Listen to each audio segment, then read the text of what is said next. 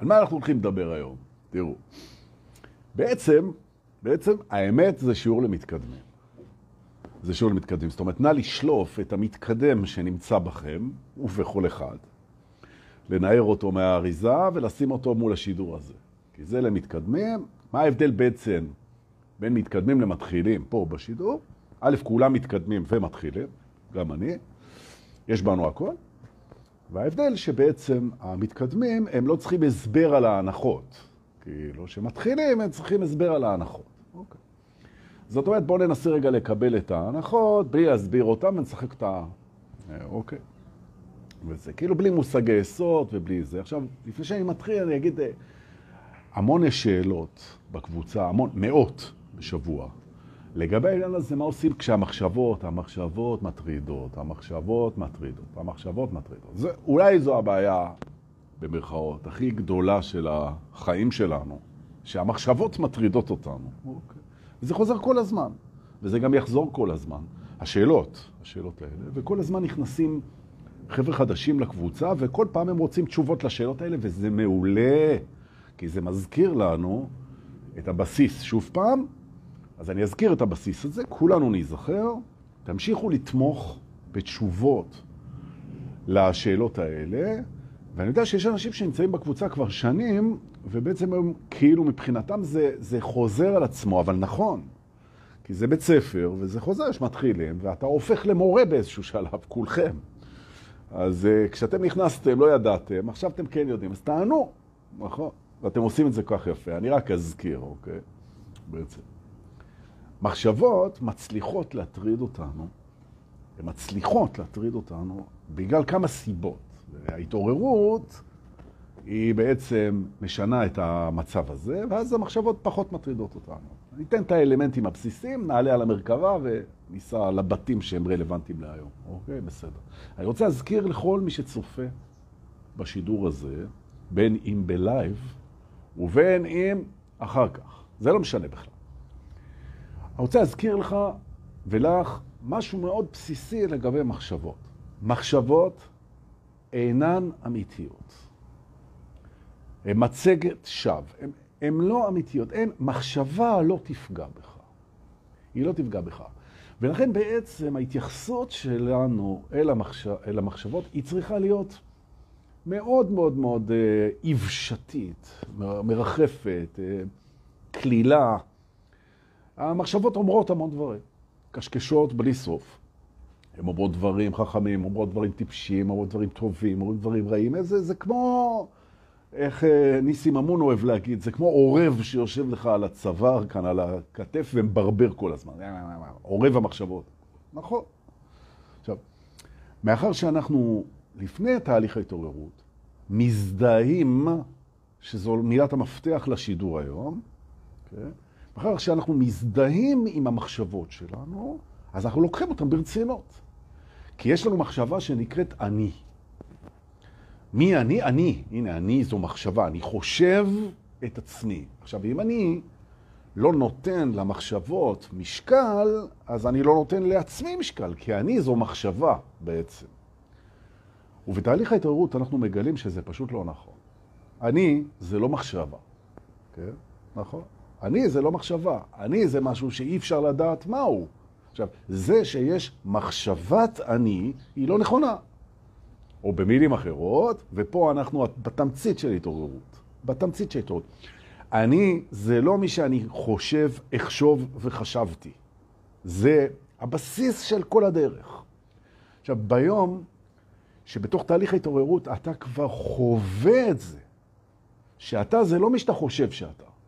כי אנחנו די מבינים את זה מהר, אבל ברגע שאתה חווה את זה, שאתה זה לא מי שאתה חושב שאתה, בשנייה הזאת אין סיבה לתת משמעות למחשבות, כי במילא הן לא אמיתיות בדיוק כמו שמה שאני חושב, מה שאני, מי שאני חושב, ומה שאני חושב על עצמי זה לא נכון. זה לא נכון. זאת אומרת בעצם, אז ה mind הוא נבהל בנקודה הזאת, זה מקום בהתעוררות שאנחנו מכירים אותו, הוא נבהל, כן? הוא ממש בלימבו, הוא אומר, רגע, אז אם אני זה לא מי שאני חושב, אז מי אני? אני לא יודע, אני לא יודע, אני לא יודע, אני לא יודע, אני לא יודע. נכון. אתה לא יודע מי אתה. נכון. איזה פחד. אבל אני חשבתי שאני יודע, נכון? אתה חשבת ואתה טעית. אתה לא יודע מי אתה. ועכשיו בוא נלחץ קצת עם הרגל על הגז. אתה לא מי שחשבת. ואתה גם לא מי שאתה חושב שאתה, ואתה גם לא מי שאתה תחשוב שאתה. זה ברור. לגבי השאלה מי אתה בכל זאת, אני אומר לך יותר מזה. אתה לעולם לא תדע ולא תהיה מסוגל לדעת מי ומה אתה. תשכח מזה. לא תדע. לא תדעי לעולם איך בכיתי כמו ילד. טוב, לא קשור, אבל לא תדעי לעולם מי את. נכון, נכון. אי אפשר לדעת. כי הדעת, שבא מעץ הדעת, כן, לדעת, זה בנוי בעצם על הגדרות כן, והשוואות. כשלמעשה, מי שאתה, בדיוק כמו האהבה והמוזיקה ואלוהים, אין לזה סוף, ולפיכך אין לזה הגדרה. גם אין לזה הופכי. אין באמת הופכי להגדרה. אנחנו פה להגדרה של אהבה, מוזיקה. מה ההפך ממוזיקה? מה ההפך מאהבה? שנאה זה לא ההפך מאהבה, כן? מה ההפך מאלוהות? הרי הכל זה אלוהות. אין לו ההפך, אין לו הגדרה ואין לו סוף. זו גם הסיבה שאומרים שאין מוות, אוקיי? עכשיו, הראש שרוצה לדעת, הוא רוצה לדעת, הוא אומר, תסביר לי את זה, אני לא יכול להבין את זה. נכון? אתה לא יכול להבין את זה. וזה, גבירותיי ורבותיי, נחמדים, מורים ותלמידים יקרים, טוב שבאתם, זה כל הקסם. אתה לא יכול לדעת את זה. נכון. זאת אומרת, עכשיו מה אתה יודע? אתה יודע שאתה לא תדע. שאם אתה שואל אותי, זה כל מה שאתה צריך במימד הזה. אתה לא תדע, תשחרר את זה, תשחרר את זה. ואם אתה כבר, וזה הנושא שלנו פה, ואנחנו עולים עכשיו, לכבוד הסוגיה המעניינת הזאת, אנחנו עולים על המרכבה שלנו, ואנחנו נוסעים לבית ההזדהות, כדי ללמוד שם על הדעת. זאת אומרת, אנחנו ניסע לבית ההזדהות ונפתח משם את הנושא של המחשבות ושל הדעת ואת הכול. תעלו ואנחנו נוסעים. הנה אנחנו כבר כמעט 100 אנשים, בוקר טוב. על הכיפאק. בואו נראה אם היום השיעור הזה יצליח להביא אתכם לאן שאני רוצה, כן? ואם כן, הללויה, ואם לא, אז אנחנו נמשיך לנסות. אז דורקה, והנה אנחנו בדרך. לאן אתה רוצה? אני אגיד לך. לאן אני רוצה?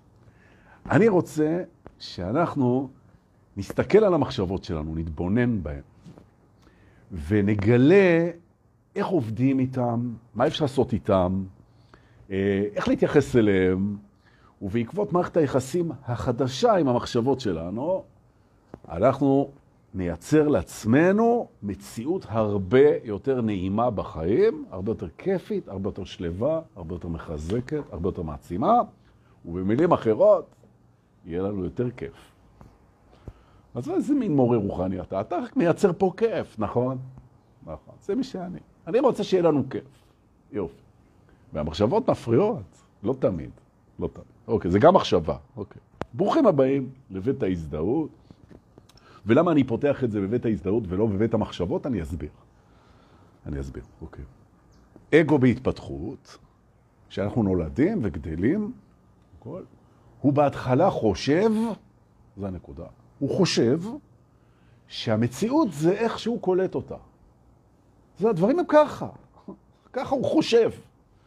בתהליך ההתבגרות שלו כאגו, הוא מתחיל להבין שהמציאות היא לא כמו שהוא רואה אותה, כל אחד רואה את המציאות אחרת. הוא מתחיל להבין את המושג סובייקטיביות. נכון. ואז הוא חושב שהוא הבין את זה. הוא אומר, רגע, בוא נראה, לכל אחד יש את התפיסה שלו, לכל אחד יש את המציאות שלו, לכל אחד יש את הדרך שבה הוא קולט, מארגן ומרגיש את הדברים, ולכל אחד יש את האמת שלו. נכון? והוא מגיע לזה, והוא מאוד מבסוט מהרעיון, תגלית הסובייקטיביות. איזה יופי. מחשבה יפה, נכון. ואז הוא אומר בעצם, מה שאני חושב על משהו, רק אני חושב עליו, כן? זה סובייקטיבי, נכון, נכון.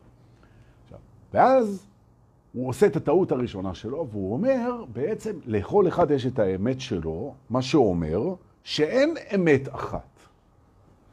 וזה מקום, זה מקום שבטח עברתם אותו, זה מקום שמהר מאוד הוא מתברר כשטות גמורה, כי יש אמת אחת.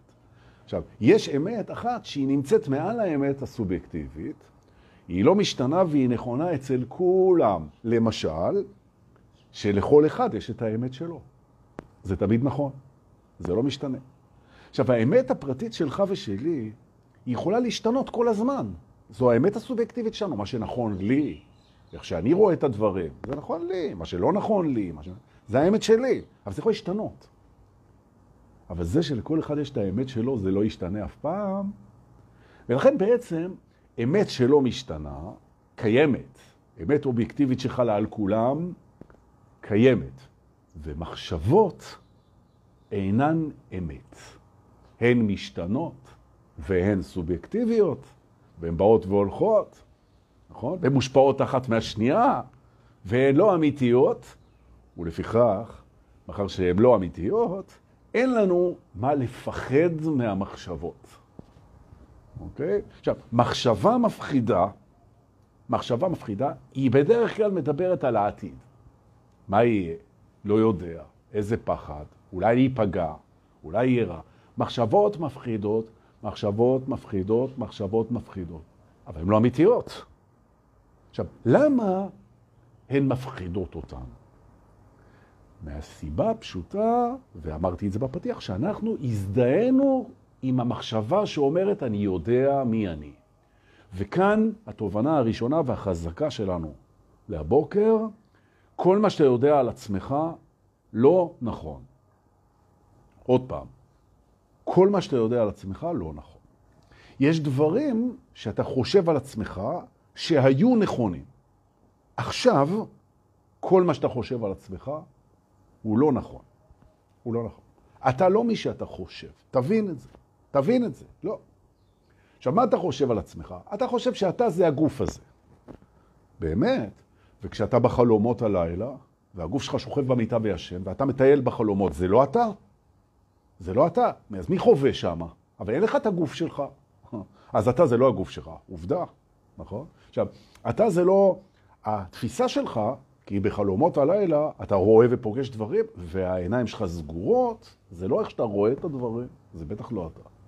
עכשיו, אתה זה בטח לא מה שהיה, כי מה שהיה איננו, ואתה פה. אז אתה לא מה שהיה, כולל זיכרון, כולל עבר, יופי.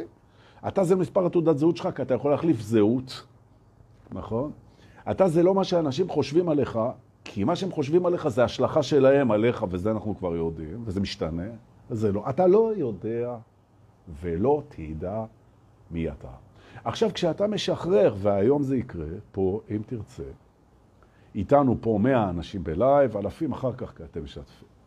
אם אנחנו עכשיו משחררים את האשליה של הידיעה מי אנחנו, ומוותרים עליה לתמיד. לתמיד. אתה מודיע לראש שלך, אני מפסיק לעסוק במחשבה מי אני. אני לא אדע. אני לא אדע. נכון, בתהליך ההתעוררות אני מבין שהכוונה הטובה והאהבה שמייצגת אותי בתוך הלב שלי, היא מיצג אמין יותר מכל מה שחשבתי. זאת אומרת, אני יכול להגדיר את עצמי כאהבה, או ככוונה טובה, או כנוכחות, אבל גם זה לא מוגדר. אז זה לא עוזר לי הרבה, אבל זה עוזר לי קצת. אז טוב, אז אנחנו כוונה טובה. אוקיי. מהי כוונה טובה? זו כבר תפיסה אובייקטיבית. להיטיב, מה זה להיטיב? זה נהיה סובייקטיבי. אתה מבין? אתה לא תגיע לידיעה, אבל אתה כן תגיע להרגשה. ופה התובנה השנייה המעניינת. הראשונה היא שאנחנו לא נדע. בוא עכשיו, לפחות פה בשידור, תעשה איתי ביחד את הסימולציה הזאת. איך חייך נראים כשאתה הפסקת להתעסק, הפסקת להתעסק, הפסקנו להתעסק, לתמיד, בהגדרה מי אני. טוב, בואו ניקח איזו הגדרה מאפשרת כזאת, שהיא נכונה על כולם. פוטנציאל אינסופי של אהבה. אוקיי. אתה פוטנציאל אינסופי של אהבה בדיוק כמו כולנו. זהו. פה נגמרו ההגדרות, גמרנו. עכשיו נשאלת השאלה, וזה בדיוק הסיפור. איך אתה לוקח את זה קדימה? אז קודם כל, אם אתה לא יודע מי אתה, אז מחשבת האני היא לא אתה, אז המחשבות הן לא בדיוק אמיתיות, ולפיכך הן לא יכולות יותר מדי להפריד אותך, להפריד אותך או להתקיל אותך או להפחיד אותך. זה יופי. זה שאני גם לא מעוניין לדעת, אני לא מעוניין לדעת, עכשיו אני פותח את זה. Okay? אוקיי? יש המון דברים שחשבנו שאנחנו רוצים לדעת, ואנחנו היום, אם נרצה, נשחרר את זה. ואתם תראו שקורה לנו נס בתוך המערכת, כשאנחנו משחררים את התאווה חסרת הריסון שלנו לדעת, לדעת, לדעת, כשלמעשה, ככל שאתה יודע יותר, אתה מבין שאתה יודע פחות. בעצם אתה מגיע לאיזה נקודה שאתה אומר, רגע, אני כבר הבנתי שהמקסימום ידע שאני אצבור הוא רק יראה לי עד כמה אני לא יודע, אז אני מוותר על זה. זאת אומרת, בעצם אני מפסיק להיות פה בשביל לדעת ולדעת ולדעת, מה גם שהראש, אולי לא שמת לב, הוא מוטרף בשאלות של זהות, מי אני, שאין עליהם תשובה בדעת, הוא מוטרף בשאלה של מה יהיה מחר, הוא לא יודע, הוא מוטרף בשאלה של מה יהיה איתי, הוא לא יודע ואין לו שליטה על זה, הוא מוטרף בשאלה של מה קורה אחרי המוות, אין לו מושג. הוא מוטרף בשאלה של למה הדברים הם ככה ולא אחרת, הוא בחיים לא ידע. בשביל מה כל הסיפור הזה? ואז מגיע הרגע הקסום בהתעוררות, ויכול להיות שהוא מגיע לכם עכשיו, שבו אתה אומר, וואלה, אתה יודע, דורקה, אתם יודעים, קבוצה נכבדה, אני בשל לשחרר את הרצון האינסופי הזה לדעת דברים שאי אפשר לדעת איתם, ואני מתמיר את האנרגיה הזאת, את הרצון הזה, שהוא ענק, הוא ענק, זה סוחב את רוב הבטריה, כן? זה צרכן אנרגיה מטורף. אני מתמיר אותו ברצון אחר. וזה הרצון שלי לעשות את הפעולה הבאה בכל פעם, בצורה שהיא הכי אותנטית למי שאני. זאת אומרת, באהבה, ברצון טוב, בנפש חפצה, בתשומת לב, ומפעולה לפעולה אני עושה כל פעם פעולה אחת, פעם זה מחשבה, פעם זה יצירה, פעם זה עבודה, פעם אני עושה, ואני עושה אותה הכי טוב שאני יכול. וזהו. אני לא מתעסק יותר במה יהיה, לא מתעסק במה היה, אני לא מתעסק במי אני, אני לא מתעסק במה זה אלוהים, אני לא מתעסק בזה, אני לא מתעסק בהגדרות, אני מוריד את זה. אני חי אחרת. אני קם בבוקר, אוקיי? אני נושם, אני לא קם עם השאלות, אני קם עם הנוכחות, אני מסתכל על השמיים, אני אומר תודה על זה שהרווחתי יום בחיים שלי, אני שואל את עצמי, מה אני הולך לעשות ואיך אני עושה את זה הכי טוב. ואני משחרר את המה יהיה, ואני משחרר את איך אני משיג שליטה על עתידי, כי אין לי. ופה אנחנו מגיעים לתובנה נוספת ומדהימה. האגו, ותכירו אותו טוב, הוא מייצר ביטחון לטעמו משני אלמנטים מרכזיים שהם שניהם לא נכונים. ובתהליך ההתעוררות אתה פתאום מבין את זה.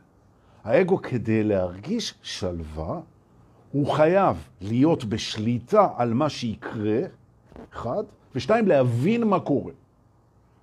עכשיו, הוא חייב את שני הדברים האלה. הוא אומר, אני חייב להבין, חייב לדעת וחייב לשלוט, ואז אני אשקט.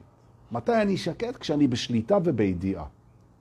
כשאנחנו כבר מבינים שהידיעה היא לא נכונה, ושליטה אין לך. אין לך. מספר המקדמים, האלמנטים, הפרמטרים, שמשפיעים על החיים שלך, כמו שהאגו תופס אותם, על הקריירה שלך, על המשפחה שלך, על הבריאות שלך, על הזמנים שלך, מספר האלמנטים, איזה מציקים לי פה. אה, זה טלפון דחוף, אני תכף אחזור, רבותיי, אני תכף אחזור. אני אצטרך לעשות הפסקה, יש לי פה איזה emergency call קצר של כמה דקות, זאת אומרת, אני מניח שאני חוזר עוד עשר דקות. יש כאלה התקלות כאלה, הנה, אין לנו שליטה, אתם רואים? אבל דברים טובים, לא? בסדר. אז אני אומר שוב פעם, אני אעצור פה עכשיו את השידור, תשתו משהו, תנוחו, לא קרה כלום, אני עוד עשר דקות, רבע שעה אני חוזר, ואנחנו נמשיך בבית ההזדהות, להמשיך להתעסק עם השינויים שלנו בפנים. תודה שבאתם, יהיה חלק שתיים בעוד עשר דקות רבע שעה. תכף אני אבוא. והנה, הנה חזרתי, יצאתי לפרסומות, הם כותבים לי, כל הליצנים מהקבוצה, יצאת לפרסומות, דורקר? לא, תשמעו, יש... אה, בחיים יש אה, דברים לא צפויים, לא הכל קורה כמו שאתה מתכנן, זה כל היופי באמת. זה... אז, אה, וזה משבש לך את התוכניות, וצריך להתייחס לזה בצורה מסוימת, ואני אלמד, כן? אני אלמד את זה. אבל הנה, אני עכשיו ניתן זמן לכל אלה שהיו בשידור, שהופסק לנו מקודם, עקב הבלתי צפוי, הבלת"מים, והנה חזרתי, והנה בבקשה, גילה כבר חזרה, ומאיה כבר חזרה, ועדי שלו כותבת לי, ברוך השב. אה, הסדנה בשבת, מאיה קשי שואלת, זו סדנה קטנה שנקבעה עוד לפני הקורונה אצל רועי רוזן בגבעת נילי. אני חושב ש... לא יודע, לדעתי מלא לגמרי, זו סדנה מאוד קטנה, של שש שעות. יש לנו כל חודש סדנה כזאת. אתם יכולים ליצור קשר עם רועי רוזן, לשאול אם נשאר איזה מקום, או אם יש איזה ביטול, ואם לא, תירשמו לחודש הבא. כל חודש אנחנו עושים שש שעות, שבת, סדנת טיסה פנימה, חבל על הזמן. מי שהיה, ויש פה הרבה אנשים שהיו, יכולים להמליץ לכם, איזה כיף. אבל, אה, אבל זה לא הנושא כרגע. טוב, הנה חזרנו, בואו נראה. כשסגרתי את השידור היינו מאה ומשהו אנשים, עכשיו אנחנו ארבעים ומשהו, הולכים ומצטרפים. אני רק אבוא ואגיד שהנושא שלנו היום זה בעצם אה, הנושא של הקשר עם המחשבות שלנו. אנחנו נמצאים בבית ההזדהות היום, שהגענו אליו, הגענו אליו בפרק הקודם, ואנחנו עדיין שם, בבית ההזדהות.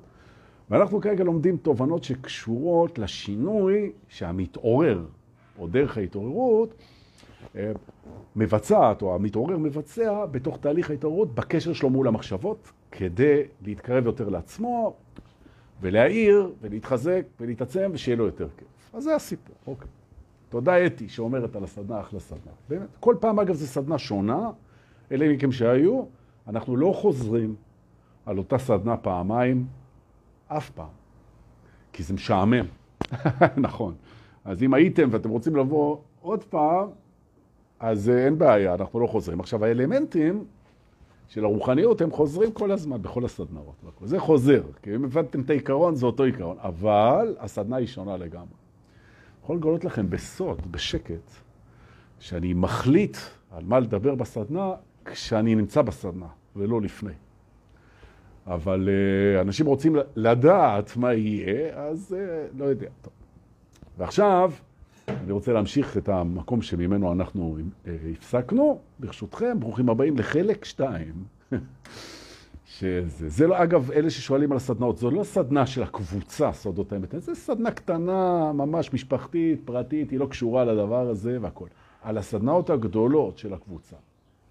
ועל כל הפעילויות, אתם תקבלו דיווחים בשוטף דרך הרשימת תפוצה שלנו.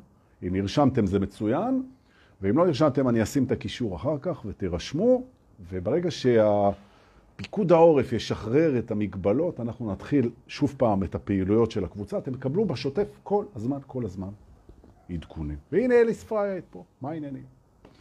טוב רבותיי, בואו אנחנו נמשיך. דיברנו, לפני שהופסקנו, על ידי הפרעה, בדיוק על זה. דיברנו על העניין שלמעשה אין לנו שליטה על החיים שלנו. אין לנו שליטה על החיים שלנו. יש לנו אחריות על החיים שלנו, אבל אין לנו שליטה. ומדוע? כשאני מדבר חיים, אני מתכוון מבחינת מה שקורה לנו בחוץ, לא מה שקורה לנו בפנים, כי על זה יש לנו יותר שליטה. מבחינת התפיסה, מבחינת כל מיני דברים שתכף נדבר עליהם. אבל מבחינת לאן אתה הולך בחיים, ברמה של מקצוע, זוגיות, מימוש עצמי, דברים כאלה, אין לך כמעט שליטה, כי הכמות של המשתנים שאתה לא שולט עליהם היא כל כך גדולה, שהסיפור הזה שאתה שולט על החיים שלך הוא... נכון, זה לא קורה.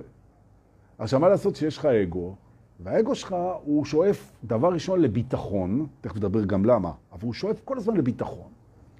ומה שמעניק לו ביטחון לפני ההתעוררות, זה זה שהוא שולט במצב, שולט לתפיסתו במצב, ושהוא מבין ויודע מה קורה. זה שתיהן אשליות. הוא לא שולט במצב, הוא גם אף פעם לא ישלוט, כן? למעט פה ושם, במקרה, בפוקסים. ממש, כן? נכון. והוא לא יבין וידע. הוא משכנע את עצמו שהוא באיזושהי רמה של ידיעה ושליטה, וזה לא נכון, זה לא... אוקיי.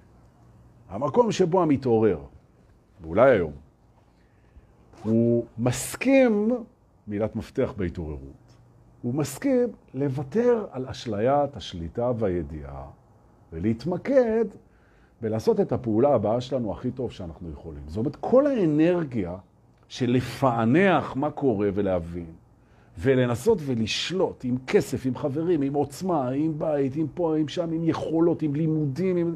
לנסות לשלוט במסלול החיים. פתאום אתה מוותר על זה, כי אתה מבין שזה לא... מספיק איזה מחלה, מספיק איזה תאונה, מספיק איזה קורונה, מספיק איזה פשיטת רגע, מספיק איזה ילד אידיוט שלא עצר בעצור, וכל החיים שלך משתנה, ואין לך שליטה על זה, נכון? ויש מיליונים של אנשים שכבר פגשו את זה. שאתה מתכנן תוכניות, ו... ואלוהים צוחק, ואתה בוכה, כן? כי זה כבר לא... זה נכון. בעצם, אתה לא יודע אם אתה תהיה פה מחר. וגם אם אתה תהיה פה, אתה לא יודע מי אתה. וגם אתה לא יודע מה מכיל מחר. ואתה לא יכול לשלוט על זה, ואתה לא יודע את זה. ותשחרר את זה. והרגע הזה, שבחוויה, לא רק בידיעה, בחוויה, אתה פתאום מרגיש ששחררת את זה. אתה רק מבין שאפשר לעשות את זה. אתה מרגיש שהצלחת לעשות את זה. זאת אומרת, איך אני אשתלט על עתידי, זה משהו שיצא לך מהמערכת. הוא יצא לך מהמערכת, בחוויה, זה זהו, זה, זה, זה יצא. ואיך אני אדע ואבין כל מה שאני צריך בשביל להשיג ביטחון, יצא לך מהמערכת. ואתה פתאום מתחיל את החיים שלך, אולי אפילו עכשיו, בלי שני הדברים האלה, אבל עם הרבה פוקוס על הפעולה הבאה שלך, שהיא תהיה אותנטית. ואני רוצה להסביר את זה. תראו, אם אנחנו בוחנים, בוחנים את שתי הדרכים, באיזה דרך שווה ללכת.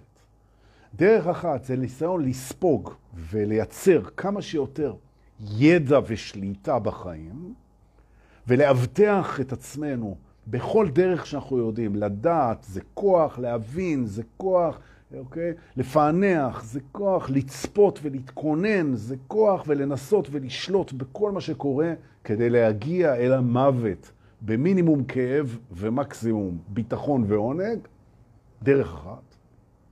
לא ממליץ, לא עובד, לא עובד. הדרך השנייה היא לעזוב את זה, לעזוב את זה, לשחרר את זה, ולהגיד, תראה, יותר טוב מלעשות הכי טוב שאני יכול בכל רגע, אני לא יכול. אז אני פשוט מתמקד, מתמקד בלעשות את הפעולה הבאה שלי, ולא משנה מה היא. בצורה הכי טובה לי, תכף אני מסביר, וכך פעולה אחרי פעולה וכך, פעולה אחרי פעולה, פעולה אחרי פעולה, וזה ייקח אותי יותר טוב מהדרך השנייה, וזה נכון. ואז אתה משתחרר מ-80 אחוז לפחות של מאמץ סיזיפי, יומיומי, של לצבור עוד ועוד ידע לכאורה ועוד ועוד שליטה לכאורה, שכל זה מתפרק בשנייה שזה מתפרק. ויש בך גם משהו שיודע את זה. שאף אחד לא מבטיח לך מחר כלום. לא לך ולא לאף אחד. ולא יעזור לך כסף, ולא יעזור לך כלום, הכל יכול לקרוס, להיעלם, או הפוך. הכל יכול להתרומם ולהגיע לשיאים מטורפים, שאתה לא יכול לחשוב על זה בכלל. עכשיו, יש עוד חיסרון, לפני שאני מגיע לפעולה אותנטית, יש עוד חיסרון גדול בדרך של השליטה ושל הידיעה, לכאורה. הרי רב הנסתר על הגלוי, נכון? וה... הכוחות שפועלים על החיים שלנו הם רובן בהסתרה.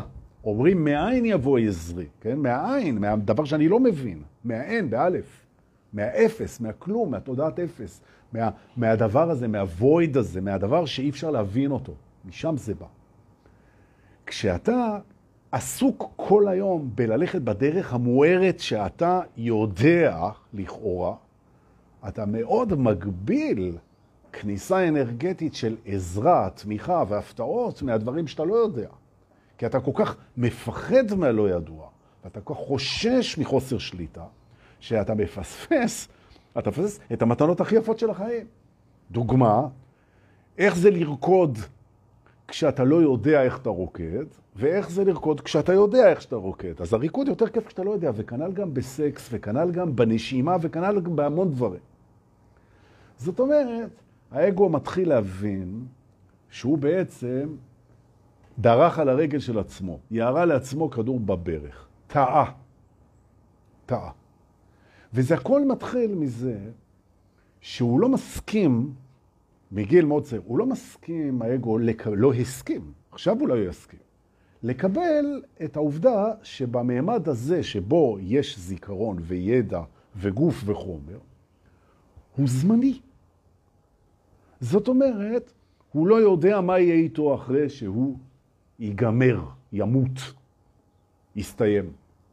עכשיו, המחשבה הזאת, שאני זה מי שאני חושב שאני, וכשאני מת אני לא חושב, אז מי אני כשאני לא חושב? אני לא יכול לחשוב את זה. ולכן זה נורא מפחיד אותי, וגם אין לי שליטה על זה, אז אני מנסה להשיג שליטה על זה ולהעריך את חיי ככל שניתן. ואין צורך. אין צורך. המטרה זה לא לחיות כמה שיותר שנים, המטרה זה לחיות כמה שיותר טוב עכשיו. זו הנקודה. עכשיו, הרעיון הזה, שאני דואג לרווחתי, אנחנו כבר יודעים שזה קטן. יש דברים שאנחנו אחראים עליהם פה, נכון? נכון? תרוויח יותר כסף, יהיה לך בית יותר גדול, אוקיי? תאכל יותר בריא, תהיה קצת יותר בריא. תעשה ספורט, הגוף שלך ישמש לך יותר טוב. יש לך שליטה ברמות האלה, זה קטן. אבל אם הסרט שלך והשיעורים שלך אמורים לעבור דרך עוני, או דרך מלחמה, או דרך אובדן, או דרך מחלה, לא יעזור לך כלום.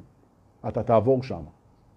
ואם הסרט שלך צריך לעבור דרך התאהבות ודרך עושר ודרך פלאים וניסים ונפלאות, אז לא יעזור לך כלום, אתה תעבור דרך שם. אז על מה אתה בכל זאת שולט? או, אתה בוחר בעצם על מה להתמקד, ואנחנו מיד מגיעים לזה. על ההתמקדות, שזו תובנה נורא חשובה. אבל לפני ההתמקדות, לפני ההתמקדות, אני רוצה להסביר מה זה לעשות את הפעולה הכי טוב שאתה יכול. תראה, לפעולה שאתה עושה, כמו נשימה, כמו עבודה, כמו אה, תקשורת, כמו כל דבר שאתה עושה, בעצם יש לה שתי, שתי סיבות עיקריות שאתה עושה את זה. אחד זה בשביל הפעולה עצמה, ושתיים, זה בשביל מה שהיא מושכת, מייצרת, גוררת, מתחברת. זאת אומרת, פעולה היא עומדת בזכות עצמה, למשל אתה שותה, כן? אתה שותה. אז אתה שותה בשביל פעולת השתייה, על העונג שלה, על הטעם שלה, על החוויה שבאה, על הזה, ואתה שותה גם בגלל שהגוף צריך את זה והכל. זאת אומרת, פעולה יש לה נקודה כשלעצמה ונקודת קישור לכל השאר. אתה בהיותך מי שאתה, אתה בדיוק כמו הפעולה. אתה יש לך, אתה קיים בזכות עצמך, מחשבותיך, רצונותיך, הוויותיך, חייך, ח... אוקיי, מה שקורה, חלומותיך, אוקיי, יחידה סגורה, ובמקביל אתה גם מחובר להכל. עכשיו, לעשות פעולה נכון זה לשים את המיקוד ואת הפוקוס על זה שהדברים האלה של החיבור להכל והדבר עצמו יהיו מסודרים בהרמוניה. זאת אומרת, אתה עושה את זה באהבה, בתשומת לב, בהשפעה טובה עליך ועל הסביבה, ואתה מסנכרן את שני האלמנטים האלה. פעולה, בדיוק כמוך, יש לה שני אלמנטים. הפעולה כשלעצמה, אתה כשלעצמך, הפעולה קשורה לכל היקום, ואתה קשור לכל היקום. אתה מסנכרן את זה. ומותר לטעות וללמוד. וזה בסדר. ולאט לאט, יחד עם הקול הפנימי, ויחד עם האינטואיציה, אוקיי? אתה עולה על זה שאתה נהיה יותר ויותר מדויק בפעולות שלך. ואם ה mind שלך הוא יושב על דיוק בפעולות, והמטרה שלך זה להיטיב עם עצמך ועם הסביבה כמה שיותר בכל פעולה, ואתה minded על זה, במקום לנסות ולהבין ולשלוט בהכל, אתה רואה איך שאתה הולך ונהיה יותר מדויק מול עצמך ומול העולם, ואתה רואה ברכה גדולה בחייך. זו ההחלפה, זו הטרנספורמציה, זו ההתמרה שאני מציע פה היום, לוותר על הידע ועל השליטה בחלק מאוד גדול מהחיים. נכון. זו אשליה, אתה לא מוותר על שום דבר בעצם. אוקיי? עכשיו בוא נדבר רגע למשל על החלמה. להחלים את החיים. עכשיו, החלמה לאו דווקא ממחלה. להחלים את החיים זה בהנחה שהחיים חולים. במה הם חולים? כל מיני תחלואי חיים. Okay. אוקיי? עבודה לא מתאימה, הגוף לא עובד טוב, מערכות היחסים חולות, מערכות היחסים עם המשפחה לא תקינות. אתה... החיים חולים. Okay. עכשיו אנחנו מסתכלים פה, והנה זו תובנה שהיא כבר יותר גבוהה בתוך בית ההזדהות היום? הסיבה שהחיים שלך חולים, וזה יכול להיות הגוף, וזה יכול להיות מערכות היחסים, וזה יכול להיות הכל, חולה לא תקין, כן? מצריך ריפוי, שינוי, שדרוג, כן? זה בגלל סיבה אחת. וזו סיבה שיושבת בתוך השכל שלך. זה קשור לאיך שאתה, אחד, תופס את הדברים, שתיים, מקרין אותם. זאת המחשבה שהדברים דפוקים בחוץ ושאתה מסדר אותם בחוץ, היא מחשבה לא נכונה. א', כל המחשבות לא נכונות, וב', אין בחוץ, בגלל שהתפיסה והחיים שלך הם סובייקטיביים לחלוטין, זה הכל הקרנות שלך, ולפיכך, כשאנחנו רוצים לתקן משהו בחיים שלנו, אנחנו מתקנים את הצורה שבה השכל קולט ומקרין את זה. לכן אמרתי היום למתקדמים, אוקיי? זאת אומרת, אם יש לך בת זוג שהיא מעצבנת אותך כל הזמן, התיקון לזה זה לא להחליף אותה, כן? התיקון לזה זה לבדוק בעצם איך אתה חושב אותה, רואה אותה, תופס אותה. אחרי זה איך אתה חושב את עצמך, רואה את עצמך, תופס את עצמך, ואחרי זה איך אתה חושב, רואה ותופס את הקשר ביניכם. וכשאתה מבין ששלושת האלמנטים האלה של התפיסה והחשיבה והחוויה, הם בעצם מייצרים את המציאות שאתה חי בה, אתה יכול לתקן את המציאות הזאת על ידי שינויים בתוך החוויה, החשיבה והתפיסה שלך. וזה שוס כזה גדול, שבעצם אתה מגלה שכמעט כל מה שאתה רוצה לשנות בחיים, כמעט, אתה יכול לשנות על ידי זה שאתה משנה את החשיבה, את התפיסה ואת החוויה ואת המחשבה על הדבר הזה וממנו. זה משתנה. ועכשיו אנחנו מגיעים להזדהות עצמה. אוקיי? אנחנו יכולים, בהיותנו אנשים חושבים, חווים וחיים פה, לשחק עם שלושה אלמנטים מאוד חשובים ברמה האנרגטית מול החיים שלנו ומול עצמנו. אחד נקרא הזדהות, השני נקרא התעלמות, השלישי נקרא התנגדות. הזדהות, התעלמות, התנגדות. אם יש לנו שליטה על משהו, okay, כן, חוץ מעל הנשימה, בואו ננשום, אה, כיף לשלוט על הנשימה, זה יש לנו. חשוב, אולי הכי חשוב, נושמים.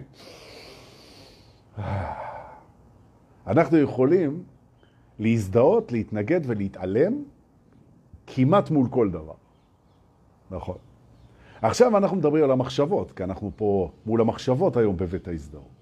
נשאלת השאלה, וזו שאלה שתשנה לנו היום את החיים, טוב שבאתם, עד מתי אנחנו נמשיך להזדהות, להתעלם ולהתנגד למחשבות בצורה שהיא לא נכונה לנו. זו השאלה, והתשובה היא, מה זה עד מתי?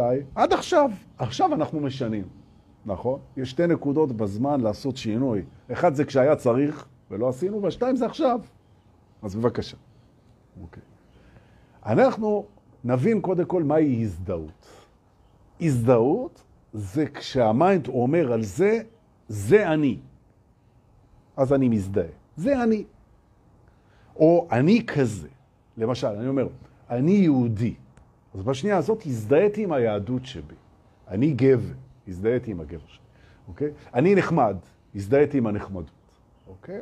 כשאני שם את המילה אני, הזדהיתי. יופי. עכשיו התרגיל הראשון שלנו להיום, ואנחנו מול המחשבות, אוקיי? המחשבה הזאת היא אני, זו מחשבה, כן? המחשבה הזאת זה אני, זו מחשבה, אנחנו כבר יודעים שזה לא נכון. כי אני זה לא מחשבה, אוקיי? זאת אומרת, אנחנו בתוך עולם של אשליה. עכשיו אנחנו מזדהים בתוך עולם האשליה. זו השליטה שלנו. אוקיי. כשמגיעה מחשבה שהיא לא מעצימה אותנו בהרגשה, אני מתעלם ממנה כאילו היא ענן בשמיים. אם היא לא עושה לי טוב ולא מלמדת אותי, שזה המטרה של המחשבות. או ללמד אותי או לעשות לי טוב. אם היא לא עושה לי טוב והיא לא מלמדת אותי, אני מתעלם ממנה. ממש. אם היא עושה לי טוב, אני מזדהה איתה. למשל, באה המחשבה ואומרת, הולך להיות שלום במזרח התיכון. נכון? אני אומר, אני זה השלום הזה. אני זה השלום במזרח התיכון. באה המחשבה שבאה ואומרת, יש התבהרות במזג האוויר, ועוד מעט הציפורים יצייצו והטבע יגיד תודה. אומר, אני זה הטבע שאומר תודה, הזדהות. Okay. אוקיי? מחשבה שבאה ואומרת, אני רואה שעוד מעט אני אוכל לסלוח להכל. אני זה הסליחה. Okay. אוקיי? מחשבה שבאה ואומרת, אני רואה שהדרך הרוחנית שלי לוקחת אותי יותר ויותר למקומות טובים. אני זה הדרך הרוחנית הזאת, הזדהות. זאת אומרת, מה שמעצים אותי, מלמד אותי, משמח אותי, אוהב אותי, אני זה הוא. מישהו דיבר אליי יפה, חייך אליי, אמר לי, דורקה, כמה גרם פיצוחים לשים לך בשק, בפיצוצייה. אני אומר לו, אני זה המוכר הזה שמחייך אליי. אני זה השמש, אני זה הכוכבים, אני זה הרומנטיקה, אני זה המוזיקה, אני זה כל מה שעושה לי טוב ומלמד אותי, זה אני. ועכשיו שמגיעים הדברים שהם לא עושים לי טוב, שהם לא מלמדים אותי ולא, אני פשוט מתעלם, אני לא מתנגד אליהם בכלל. אני פשוט מתעלם מהם. אני מתעלם, נותן להם לעבור. נותן להם להיות ונותן להם לעבור, לא מתנגד. אוקיי. וההתנגדות, למה שמורה ההתנגדות? ההתנגדות שמורה כמו מוזיאום למה שהייתי פעם. פעם הייתי מתנגד לדברים, היום אני לא מתנגד לדברים. אני או מתעלם מהם או מזדהה איתם. ההתנגדות זה מוזיאון, נכון? והיום פה בשידור, אנחנו, אם אנחנו רוצים, נושמים עמוק, ונזכרים שמעכשיו ההתנגדות שלנו זה מוזיאון. זה משהו שהיה פעם, נכון? כמו, ממש, ממש, כמו גבעת התחמושת. זה, זה, זה מוניומנט, ההתנגדות. עכשיו, בטח שאני לא מזדהה עם ההתנגדויות שלי, ברור שלא, זה לא אני, ואני גם לא צריך להתעלם מהם כי הם מוזיאון. ומוזיאון, זה דבר שמוזיאון, זה דבר שמזכיר לי את הצמיחה שלי. פעם, כשמשהו לא היה נראה לי, הייתי מתנגד אליו. אבל היום אני יודע שהתנגדות זה אנרגיה, וכשאנחנו מתנגדים למשהו, אנחנו נותנים לו אנרגיה, ואז הוא גדל. ואנחנו לא מעוניינים שיגדל. ולפיכך אנחנו לא מתנגדים ללא רצוי, אנחנו מתעלמים ממנו. נכון. עכשיו, אם הוא נמצא, כן, זה יכול להיות כל מיני דברים. נגיד סתם, נגיד חליתם, ואתם יש לכם עכשיו עוד חמישה ימים עד להחלמה, ואתם צריכים להיות בבית. אז אין לכם להתנגד לזה, אתם מת, מתעלמים מההתנגדות ומתעלמים מהמחלה, למעט המקום שבו אתם מקבלים אותה, כן? לא מזדהים איתה, אתם לא המחלה, אתם מקבלים אותה וזהו, ומתעלמים מזה. זה הכל, ומהמחשבות של מה יהיה, מתעלם מזה. זאת אומרת, בעצם בצמיחה שלנו, שהיום היא מגיעה לשיא חדש, אנחנו מבינים שיש לנו בראש מוזיאום שנקרא התנגדות. וכשאני מרגיש התנגדות, זה בא מהמוזיאון הזה, להזכיר לי שאני כבר לא מתנגד. אני מקבל, מתעלם או מזדהה, נכון? עכשיו, מה זה מקבל? אני מקבל את זה שזה ישנו. יש פה מחשבה שהיא לא נעימה לי, שהיא מפחידה אותי, שהיא מקטינה אותי, שהיא מפרידה אותי, שהיא מעצבנת אותי. יש פה מציאות שהיא לא רצויה לי. אין בעיה. אני פועל כדי לשנות אותה? כן, ברצון. אין בעיה. ואני עושה את הפעולות נכון לי. ממי שאני עכשיו וממי שאני רוצה להיות. למה להתנגד? להתנגד זה מוזיאון, נגמר. מוזיאון, מוזיאון ההתנגדות, נכון?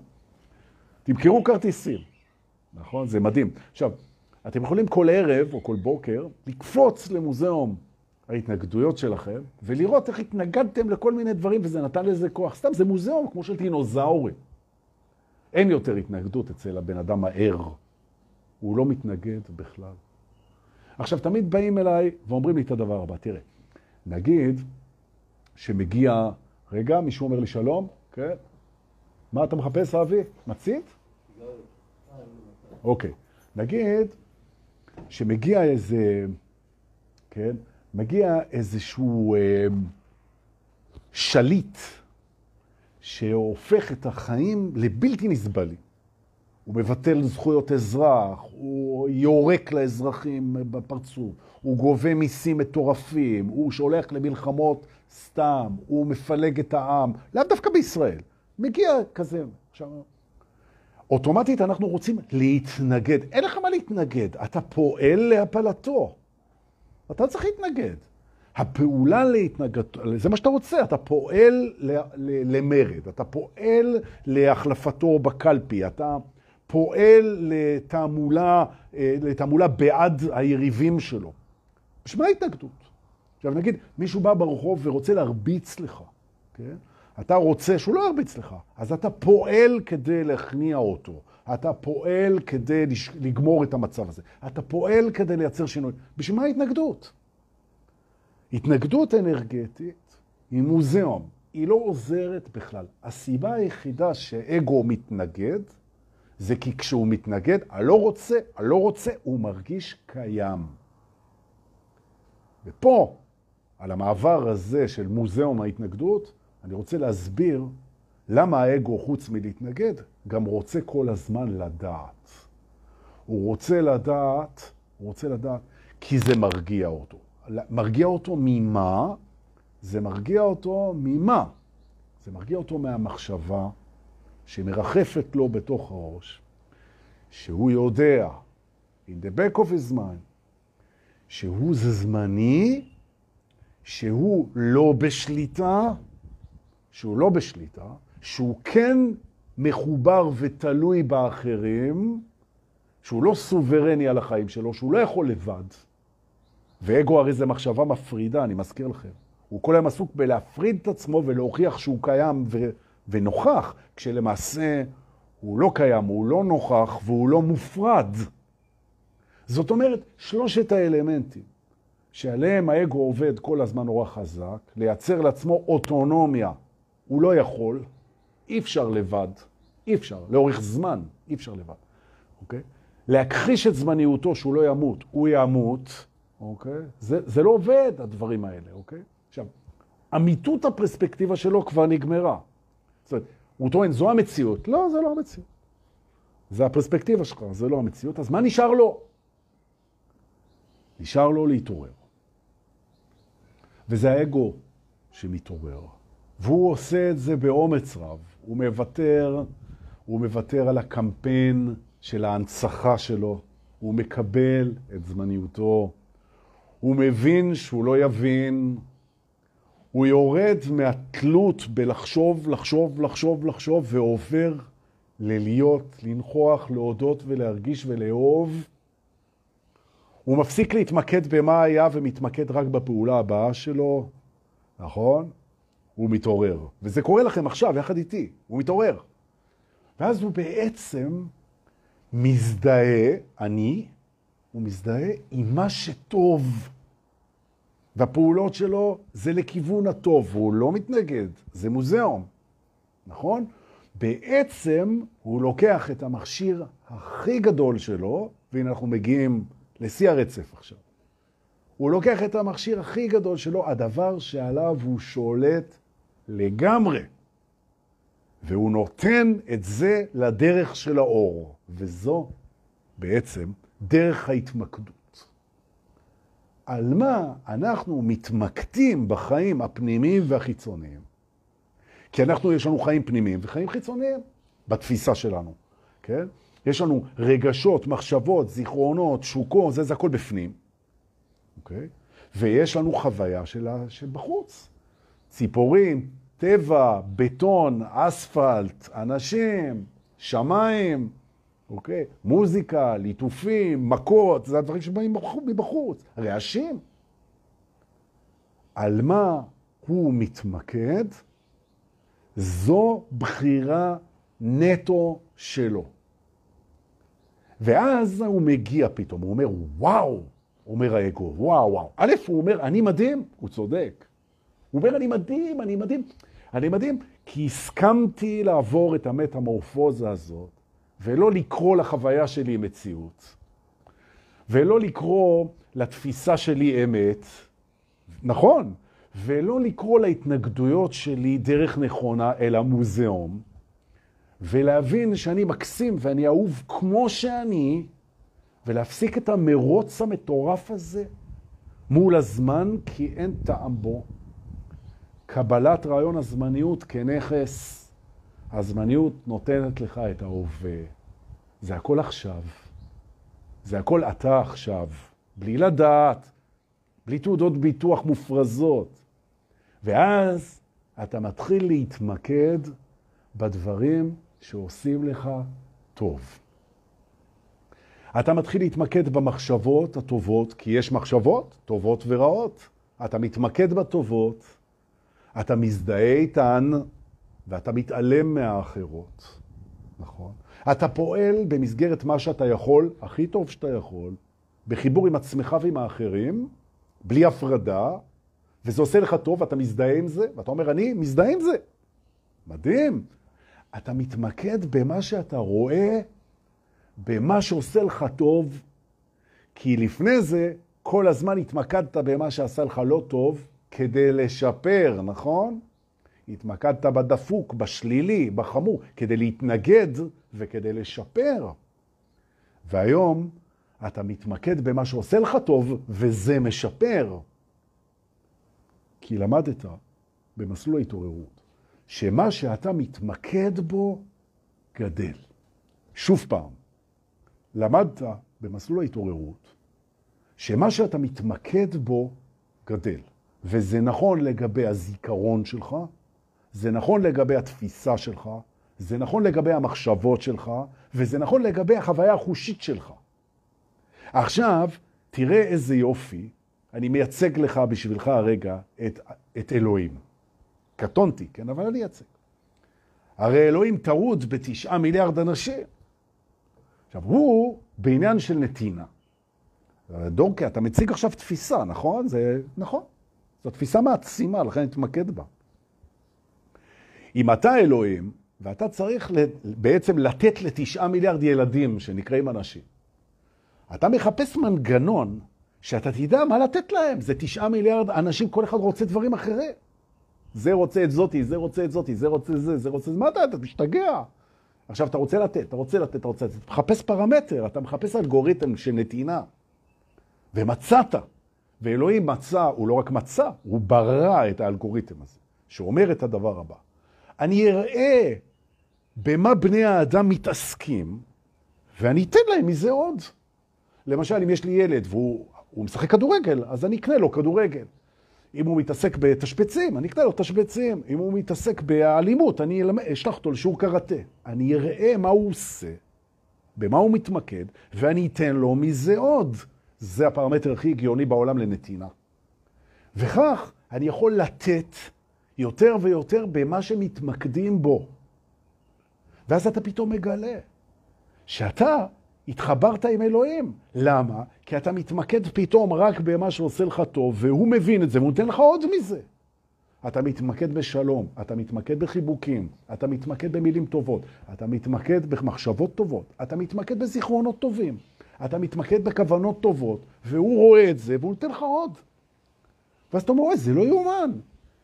כל מה שהאנושות צריכה להבין זה להתמקד במה שעושה לה טוב, ואלוהים יסדר את זה. זוהי, חמוד שלי, הגאולה.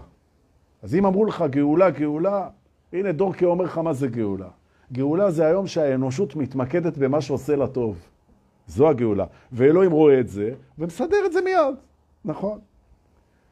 ועברנו, מה עברנו הכל בשביל להגיע לדבר הזה, ובמה התמקדנו הכל, ביצרים ובפחדים ובלחצים, והוא נתן לנו מזה עוד, נכון? כי כשאתה מתמקד בלחימה, אז הוא ייתן לך עוד מילה, הוא אומר, הוא אוהב מלחמות, תן לו מלחמה, נכון? זאת אומרת שאנחנו מזדהים עם הדרך הזאת שמובילה את כל האנושות לגאולה. מאוד פשוט. תהיה אמיתי, אל תהיה בהתנגדות, תזדהה עם הטוב, תתמקד בטוב, ותראה איך שהוא גדל בחייך. הללויה. נכון. טוב.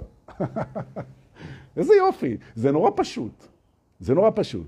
עכשיו, הפיתוי, הפיתוי להתעסק עם מה שלא עושה לך טוב, זה הפיתוי של ההתנגדות, כי כשאתה מתנגד אז האגו מרגיש קיים, אבל הוא כבר הבין.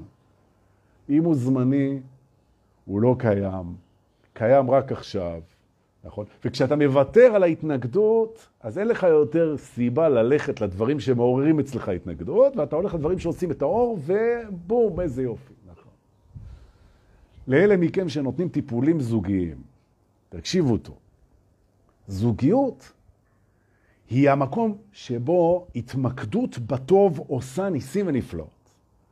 אם אתם רוצים לרפא מערכת זוגית, להעביר את הפוקוס למה שכן טוב, למה שכן יש, למה שכן מרים, למה שכן טוען, אלא תעבירו את הפוקוס וזה יגדל. זה נכון בזוגיות עם עצמנו, זה נכון בזוגיות עם בן בת זוג, זה נכון בזוגיות עם אלוהים. מה שנשים עליו את הפוקוס יגדל.